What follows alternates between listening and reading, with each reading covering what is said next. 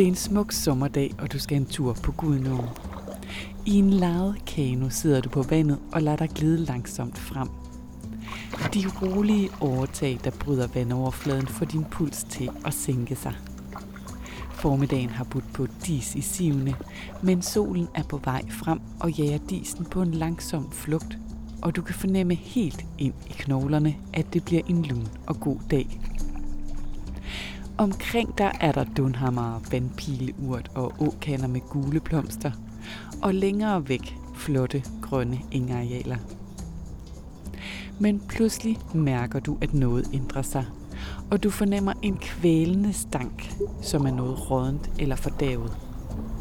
En ubehagelig snigende fornemmelse lister sig op langs rygsøjlen på dig. Her er noget, der ikke stemmer.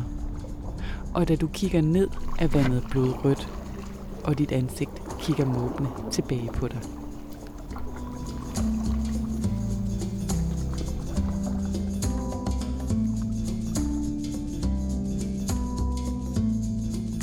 Den 10. juli 1971 kan Jyllandsposten med et stort farvefoto på forsiden dokumentere, at man ved byen Bjergbro hver dag sender 1 million liter urenset spildevand fra blandt andet byens slagteri ud i Gudenåen. Det er blot en af historierne om, hvordan affald og urenset spildevand blev sendt direkte ud i Gudnåen, fordi man simpelthen troede, at den var selvrensende.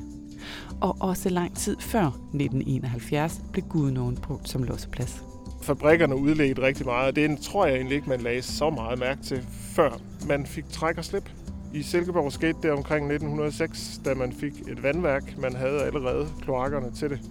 Og øh, lå rigtig fint. Der var masser af vand her, så man kunne sagtens komme af med alt det der. Og folk var jo begejstrede for at slippe for de her das, hvor man brugte en tynde.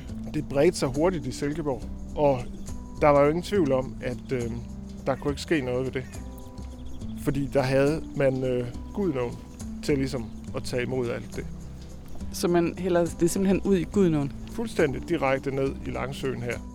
Her var det Peter Mauritsen fra Silkeborg Kiv, der i afsnittet blandt andet fortæller om, hvordan børn i området fik ørebetændelse af at bade i vandet. Og så skal vi også til Randers, hvor jeg mødes med arkivar Mathilde Storvang fra Museum Østjylland ved byens rensningsanlæg ned til Gudnåen. Jamen, altså det, det er jo at svømme rundt i dit eget toilet. Altså det er jo tarmbakterier, som man fik jo, altså tyfus, er der jo tyfusudbrud. Øh, I det hele taget bare dårlig, dårlig mave. Øh, udslet er der jo også mange, der har døjet med, øh, at man har haft, fordi man har badet i en gudnå, som bare var altså massivt forurenet. Man tænker sådan lidt, jamen, hvordan, øh, altså, hvordan kan det overhovedet lade sig gøre? Og man tænker, det er noget, der det er for årtusind, det er for århundrede. Det er altså sket i mands minde, sådan nogle ting her. Ja, det er altså ikke så lang tid siden, at vi brugte Gudnåen som skraldespand. Jeg hedder Lene Grundborg, og du lytter til serien Klima og Katastrofer. Det er en serie, hvor jeg undersøger, hvordan klimaforandringer og naturkatastrofer altid har forandret og påvirket livet for menneskene langs Gudnåen. Og vi starter den fortælling hos Peter Maritsen fra Silkeborg Arkiv, som har taget mig med på tur. Vi er kommet til trækstien, der går langs øh, Silkeborg Langsø. Vi er tæt på udløbet. Det er der en rigtig god grund til, fordi i dag skal vi tale om øh, kloakker og øh, forurening af øh, Gudnåen og hele Gudnåen-systemet. Den her del af trækstien, den er meget vigtig for den historie, fordi lige nedenunder dine fødder, der løber det meste af Silkeborgs spildevand ud til det rensningsanlæg, som blev bygget for at løse alle problemer. Ja, for hvis vi kigger ned her, øh, så står jeg, som du siger, på sådan en sti her, som jo egentlig ligner en, øh, en gangsti, og det er det selvfølgelig også, men det er så lige her nedenunder, at vi har noget helt andet. Ja, der har de øh, da de ligesom skulle have løst problemerne, som opstod, og det er jo dem, vi skal snakke om lige om lidt, der, øh, der byggede man så den her spildevandsledning, som så også var en, øh, en, en gåsti, vandresti. Og hvis du skal sætte et par ord på det her flotte syn, vi står og kigger på, hvad er det, vi kan se herfra? Det, vi står og kigger på, det er øh, trækstien, og så er det de ret flotte villager, i hvert fald mange af dem er ret flotte, der ligger med en pæn udsigt ud over søen og øh, det nye papirtårn og Silkeborg Papirfabrik. Og øh, det er jo sådan den urbane del af Silkeborgs natur, som øh, man her kan se. Det er meget flot og stille. Historien om forurening af de her områder stammer jo fra, at man i gamle dage ikke mente, at mennesket egentlig rigtig kunne påvirke naturen negativt. I hvert fald ikke noget, som rigtig ville gå galt. Og derfor så fabrikkerne udledt rigtig meget. Det tror jeg egentlig ikke, man lagde så meget mærke til, før man fik træk og slip. I Silkeborg skete det omkring 1906, da man fik et vandværk. Man havde allerede kloakkerne til det. Og øh, lå rigtig fint. Der var masser af vand her, så man kunne sagtens komme af med alt det der. Og folk var jo begejstrede for at slippe for de her das, hvor man brugte en tynde til den slags, så den skulle hentes og skiftes. Og det var jo meget uhygiejnisk, og folk var virkelig glade for det her. Det bredte sig hurtigt i Silkeborg, og der var jo ingen tvivl om, at øh, der kunne ikke ske noget ved det.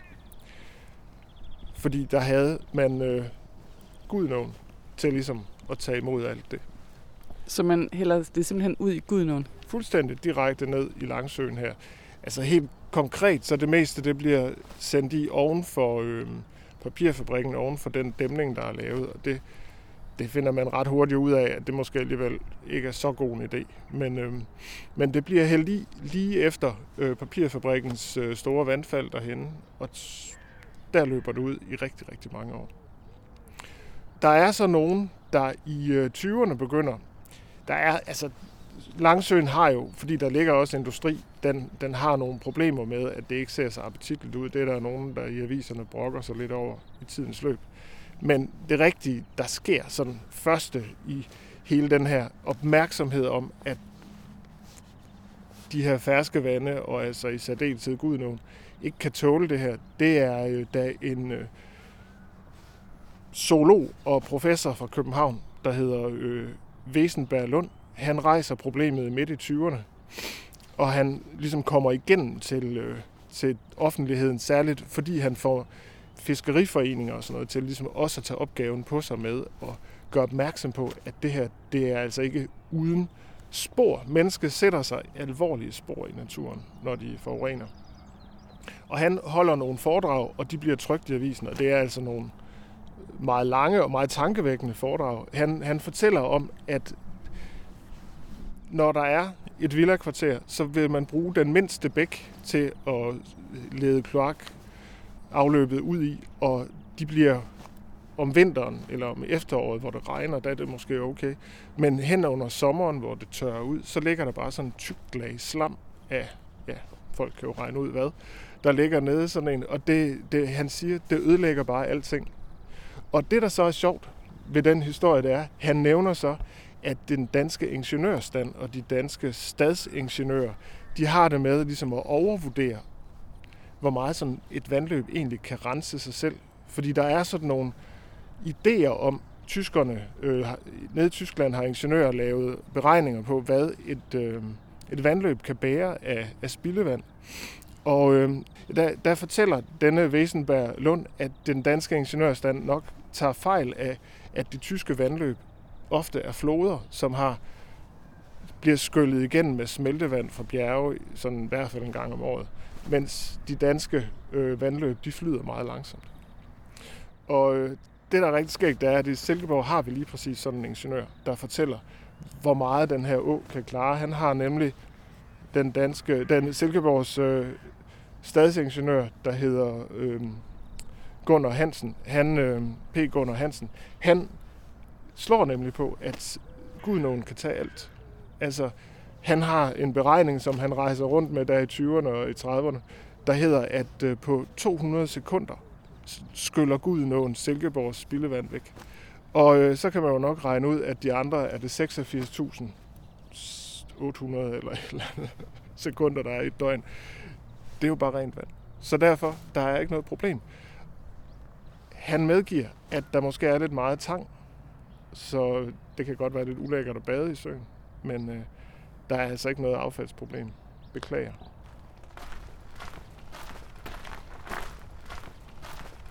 Efter krigen, der, der oplever man lige pludselig en epidemi af tyfus, som muligvis har forbindelse med de tyske flygtninge, muligvis faktisk slet ikke har noget med dem at gøre. Men man bliver pludselig opmærksom på, at vandet i Silkeborg Langsø specielt er meget forurenet af, øh, ja, af kloakken, af simpelthen af toiletterne.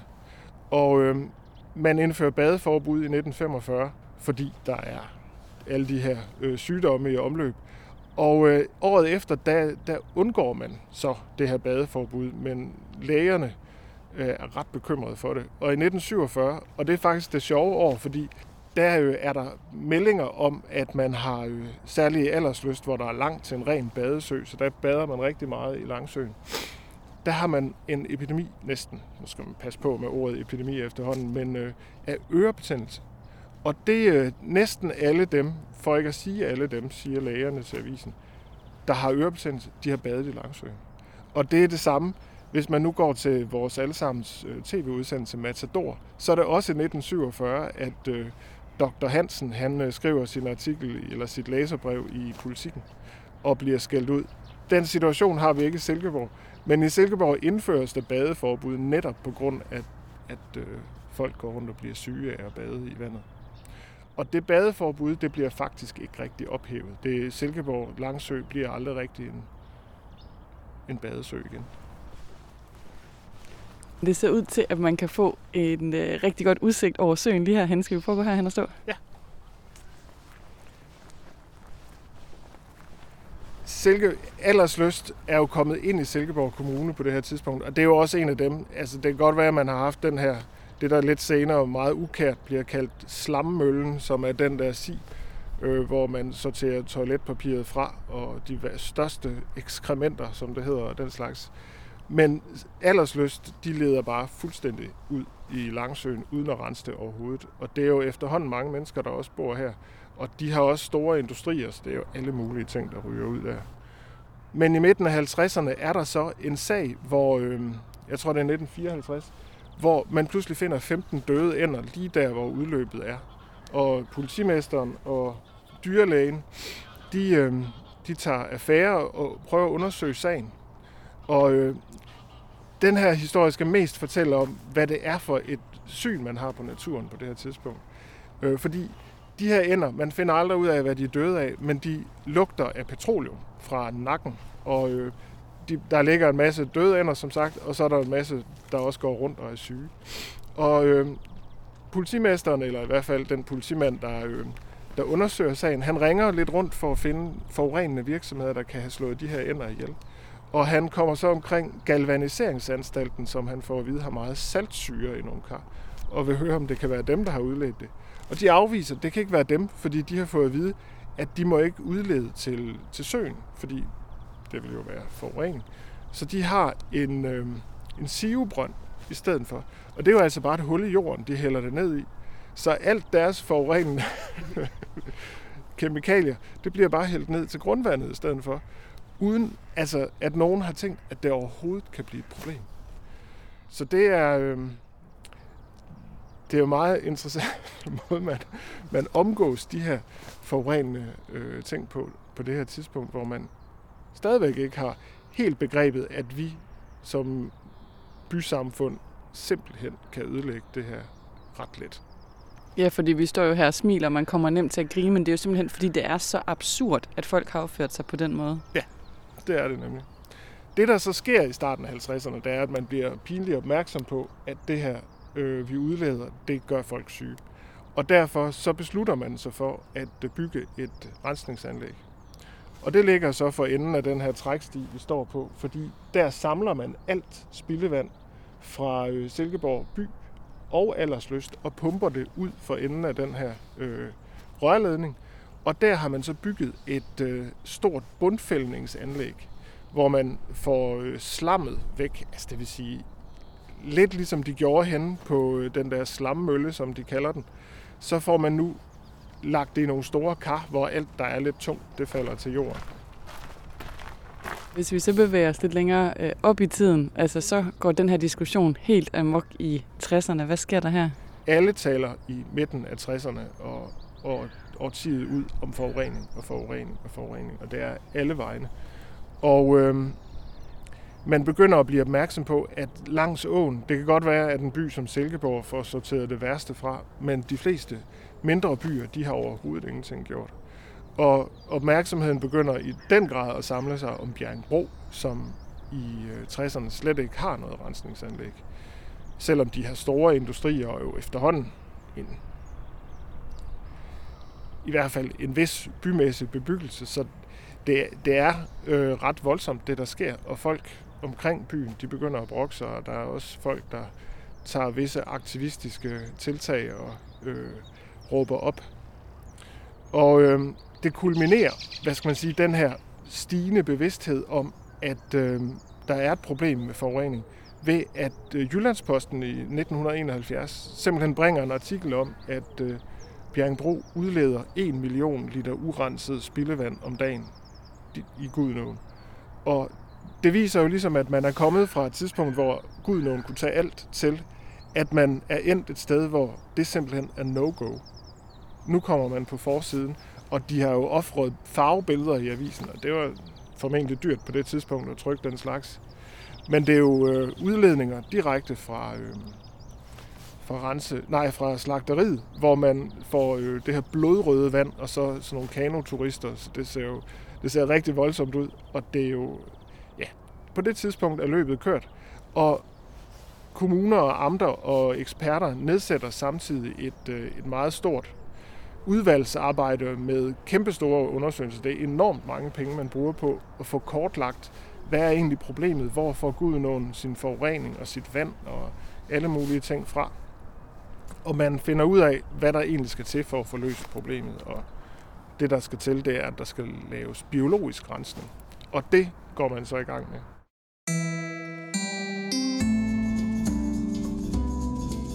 sagde her Peter Mauritsen fra Silkeborg Arkiv.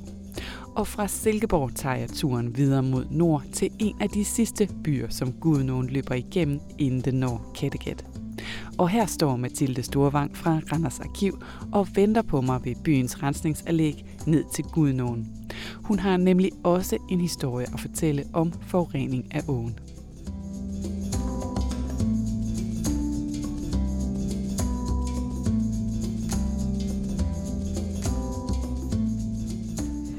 Jamen, vi er kommet ned på øh, Spildevand Randers på øh, et af rensningsanlæggene, der er i Randers Kommune, nede på Hvidemøllevej. Og vi ligger jo ikke så langt væk fra åen rent faktisk. Man kan næsten øh, skimpe den nede bagved. Øh, rensningsanlægget hernede, det er fra 66, og det er det moderne rensningsanlæg, som blev bygget, da der faktisk sådan begyndte at komme en øget fokus på, at det nok var en god idé at begynde at gøre lidt mere ved sit øh, spildevand. Øh, sådan med Randers' placering ned til Gudenåen, det har øh, altid øh, altså på en eller anden måde været en gave for øh, industrien i byen, fordi det har været en nem måde at komme af med sit affald på. Og da man begyndte at få øh, et WC med træk og slip, så var det jo også en måde, at man nemt kunne komme af med alt det spildevand, som det affødte. Der har man jo i, øh, helt op til øh, helt op igennem 1800-tallet, der har spildevandet løbet i åbne render inde i byen, og så med, altså direkte ud i Gudenåen. I slutningen af 1800-tallet begynder man at lave kloakledninger, altså hvor man graver det ned under jorden. Og jeg forestiller mig, at det lugtede helt forfærdeligt fælt inde i, i den der 1800-talsby. I 23 så tænker man egentlig, at det her nye kloakanlæg, altså det rørsystem, man laver, det kunne måske godt lave øh, lidt smartere, så man ikke bare lavet en masse udløb ud i Gudenåen, så man besluttede sig for at grave to sepsitanke ned, altså store sepsitanke ned, som skulle opsamle spildevandet. Og det var jo altså en sepsitank i øst og en sepsitank i vest. Og de samlede så alt spildevand op, og her lod man det så egentlig bare sive øh, igennem, så man måske havde en form for filtrering, men egentlig røg det bare direkte videre ud i øen, eller ud i åen fra øh, de her sepsitanke. Og at man kunne, man, altså man kunne godt se, at det, at det øgede spildevand, som kom til, både af en øget industrialisering, af flere mennesker i byen, flere boliger med øh, træk og slip. Altså alt det her, det var jo med til, at man faktisk producerede rigtig meget affald og spildevand i en by som Randers. Så man, øh, man, man tænkte også at på, i, fra byrådet, at der skulle gøres noget. Og så i et par år senere, op i 30'erne, der anlagde man også et rensningsanlæg nede på Tolbogade, hvor man lavede en såkaldt rådne tank, Det vil sige, at det er en tank på 10 meter, med 10 meter sand i, hvor man hælder spildevand i fra oven, og så filtrerer det så ned igennem det her sand, så for eksempel øh, toiletpapir eller vatpinde eller andet uhumsk ligesom bliver filtreret fra. Og når det så ryger ned i bunden af tanken, så vil alt vandet bare blive lidt direkte ud i Gudenåen. Øh, og det, det var jo sådan en måde, så man i hvert fald ikke øh, så alle de her, altså der er meget snak om alle de her, man har kunnet svømme ind i ekskrementer og toiletpapir og øh, vatpinde og hvad ved jeg, som har ligget og flyttet ude i åen, når, at, øh, når de er blevet tømt, de her sepsitank. Så begynder der også at komme det her med, at man egentlig tænker, at måske øh, Øh, sender man rigtig meget spildevand ud med nogle høje, øh, med højt kvælstof og nitrat, og det begynder at skabe noget fiskedød rundt omkring, eller iltsvind i hvert fald rundt omkring at man, man, måske kan man også gøre noget for at nedsætte det, så man bygger en tank mere nede på Tolbogade her i Randers, hvor den første filtrering så skal filtrere igennem igen, og hvor man starter så en gæringsproces af, af resterne. Øh, og det, det, der så er tilbage efter det har været i den tank, det bliver så spredt ud over et areal ude på engene. Og så er det kun den sidste lugtfri rest, der bliver ledt ud i Gudenåen. Det man så opdager, det er, at det, det er stadigvæk ikke nok. Og så er det, at man beslutter sig for at bygge et moderne rensningsanlæg med det, man kalder en biologisk rensning. Og det er det, vi kan stå og se på, når vi kigger herover på rensningsanlægget. Og det kan være, at vi lige skal gå herover på den anden side af vejen, og så kan vi se lidt mere, hvordan det ser ud herovre. Og man kan jo se, at det er sådan en meget stor, rund øh, betonklods, vil jeg nærmest sige. Jamen, det er nærmest et stort rundt kar, der bliver bygget, og så har man lavet en, altså nærmest sådan, jeg vil sige, sådan en møllearm, der kører rundt nede i, øh, i, i det her rør. Og det er jo for at skabe noget ilt og skabe nogle processer nede i spildevandet, der gør, at man kan få forhindret, at alt det her øh, kemisk, øh, øh hvad det, at man kan forhindre, at for eksempel kvælstof nitrat, at det ryger med ud og skaber en øget iltsvind.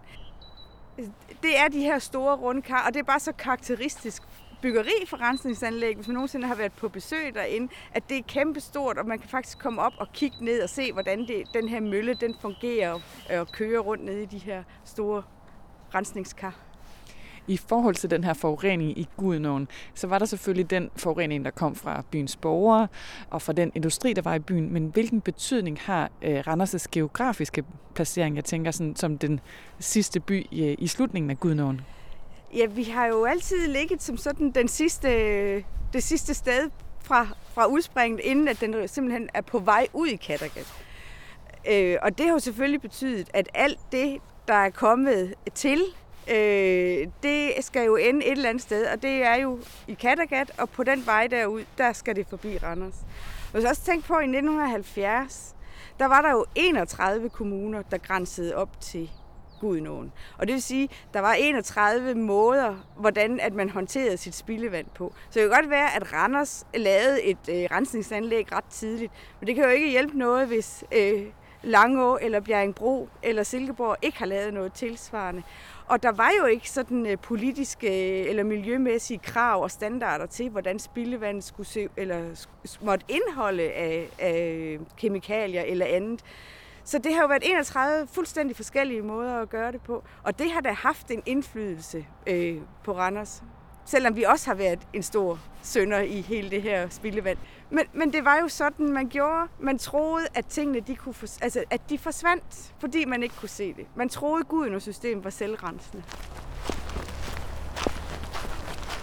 Et af de steder i Randers, hvor man i hvert fald måske særligt forurenet, det var svineslagteriet. Hvad er fortællingen med det? Ja, altså svineslagter, Randers Svineslagteri, det lå nede ved, ved Tørvebryggen, altså stort set der, hvor Randers Regnskov ligger i dag. Hvis man kender Randers Regnskov, så ved man også, hvor tæt det ligger på Gudenåen.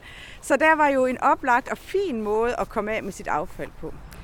Svineslagteriet det blev oprettet i 1883, og det lå på den samme plads nede ved Tørvebryggen øh, indtil 69. Og altså, hver dag, der har man simpelthen øh, let dagens slagteriaffald direkte ud i Gudenåen. Altså, og, og der kan vi sige, der var, der var tale om ren industrislagteri, og det vil sige, at øh, alle mange svin fra hele Jylland blev fragtet til til Randers, til svineslagteriet, for at blive slagtet her. Så det var knudepunktet for alt øh, øh, slagteri af svin. Og ja, vi har sådan nogle tal på, i 34 er der blevet øh, slagtet øh, over 100.000 svin årligt. Hold op. Og i 1960'erne, så er der på ugebasis derinde blevet slagtet omkring 2.000 svin. Så det har jo været altså, en, en meget stor virksomhed, og der har været meget affald, der har skulle håndteres. Øh, vi har stadigvæk nede på Randers Stadsarkiv øh, sådan mundtlige fortællinger dernede fra, øh, fra folk, der har arbejdet om øh, altså, både om, at man har, altså når, hvis man har været ude at bade, at der er svømmet, altså man simpelthen har lagt døde kadaver, de er bare blevet ledt direkte ud i Gudenåen og har flyttet rundt derude. Og der er også en af de mere sådan, vi selv nede på arkivet synes er, er meget vildt, det er, at man jo også øh, mandag morgen, når man mødte efter en weekend, øh, og så skulle man jo starte op nede i hakkemaskinerne igen, øh, nede på slagteriet. Og de skulle selvfølgelig lige skylles igennem fordi der i løbet af weekenden jo havde samlet sig en masse rotter nede i, øh, i de her hakkemaskiner, som startede lige maskinen og kørte rotteren igennem og skyllede den, og så var man klar til denne uges svin. Altså, man tænker sådan lidt, jamen, hvordan, øh, altså, hvordan kan det overhovedet lade sig gøre? Og man tænker, det er noget, der det er for i årtusind, det er for i århundrede. Det er altså sket i mands minde, sådan nogle ting her det er ret vildt at høre. Altså, det er jo fuldstændig vildt, at der er ingen, der har tænkt over, at det måske ikke var den verdens bedste idé.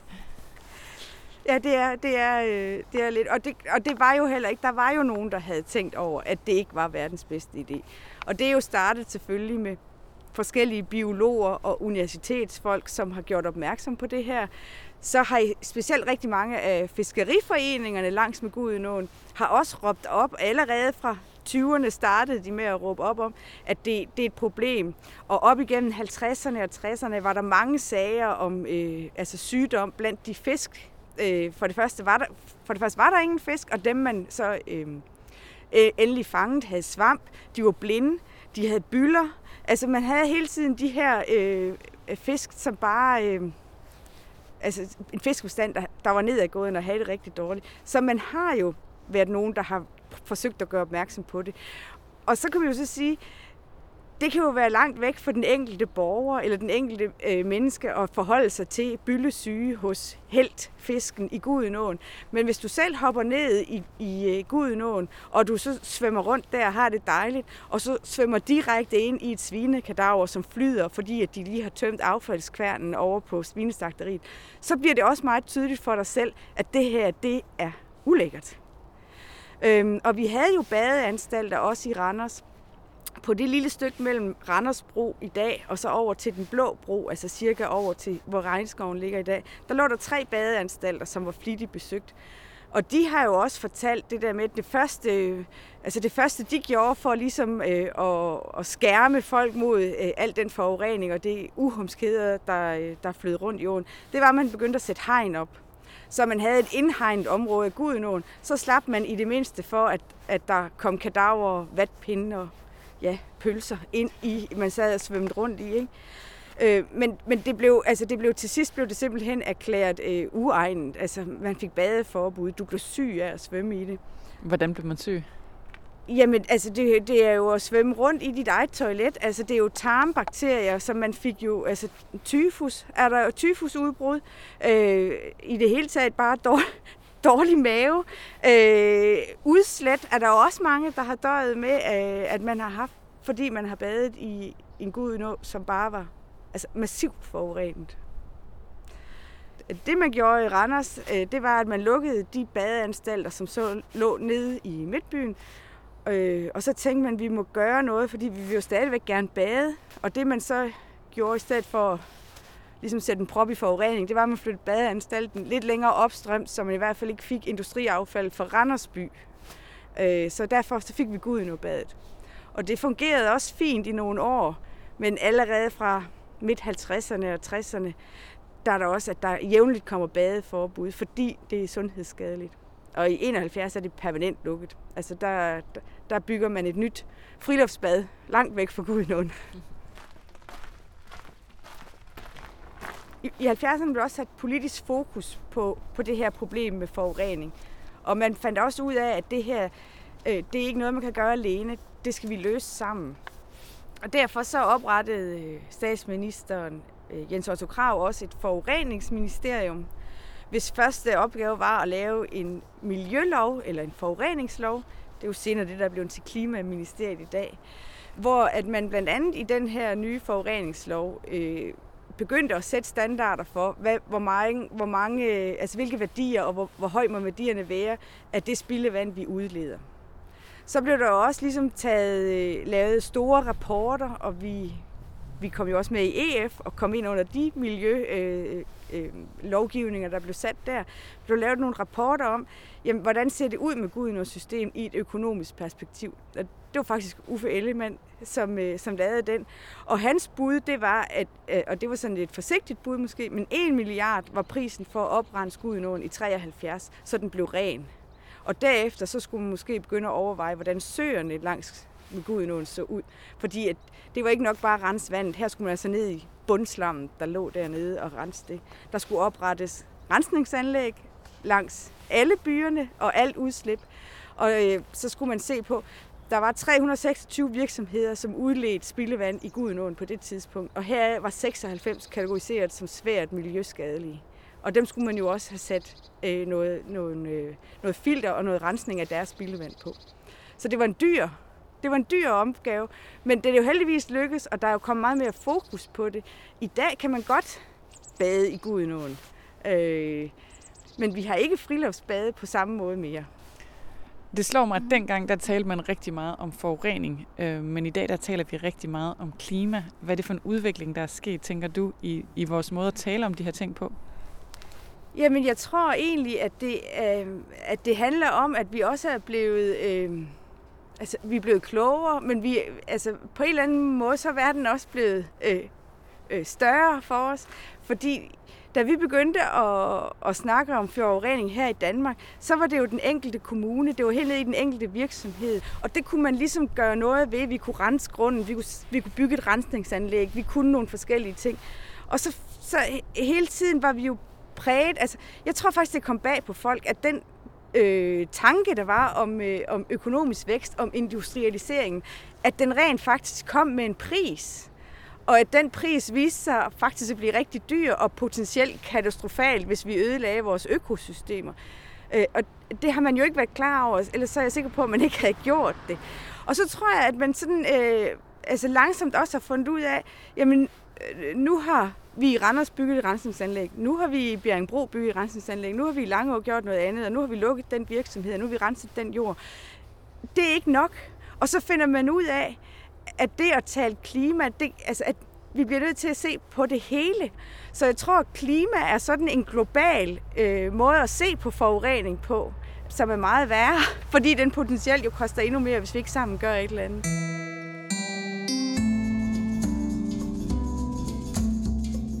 Lød det her fra arkivar Mathilde Storvang fra Museum Østjylland.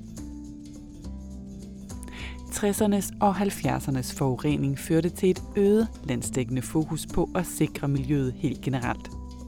Og ved Gudnåen gennemførte man i 1973-75 en omfattende og grundig undersøgelse af Gudnåens natur- og miljøtilstand – På en stor konference i Silkeborg i 1976 lagde man desuden op til en helhedstankegang og koordinering af indsatsen på tværs af kommunerne, der førte til nedsættelsen af Gudnå-udvalget. Det blev en forløber for den nuværende Gudnå-komité, hvor de syv Gudnå-kommuner samarbejder om Gudnåens brug og beskyttelse. I næste afsnit fortsætter jeg fortællingen om klima og katastrofer langs Gudnåen, og her bliver det i selskab med Karen Rysgaard, arkeolog og museumsinspektør ved Museum Silkeborg, som beretter om klimaforandringer i stenalderen. Hvis man har kigget ud i vandet, så var der sumskildpadder, og der øh, fløj øh, hen over deres hoveder ville der flyve krøltoppet pelikan. Og det er virkelig nogle dyr og, og planter, som, som har krævet noget varme for, at de overhovedet kunne overleve. Altså det er jo med til at sætte rammen omkring det her. Øh, der har sket de her kæmpe, kæmpe store øh, afsmeltninger og øh, havstigninger og så videre i perioden lige umiddelbart herop til. Og den store øh, altså varmestigning gør jo selvfølgelig, at der er fordampet en masse vand for de her store øh, havområder og er kommet ind og faldet som nedbør herinde, så det har været fugtigt og varmt. sagde her Karen Rysgaard fra Museum Silkeborg. Den fortælling får du som sagt i næste afsnit af podcasten. Hvis du vil vide mere om kulturhistorie langs Gudenåen, så skal du ind på vores hjemmeside oplevgudenå.dk podcast, og her kan du også høre alle tidligere afsnit af serien.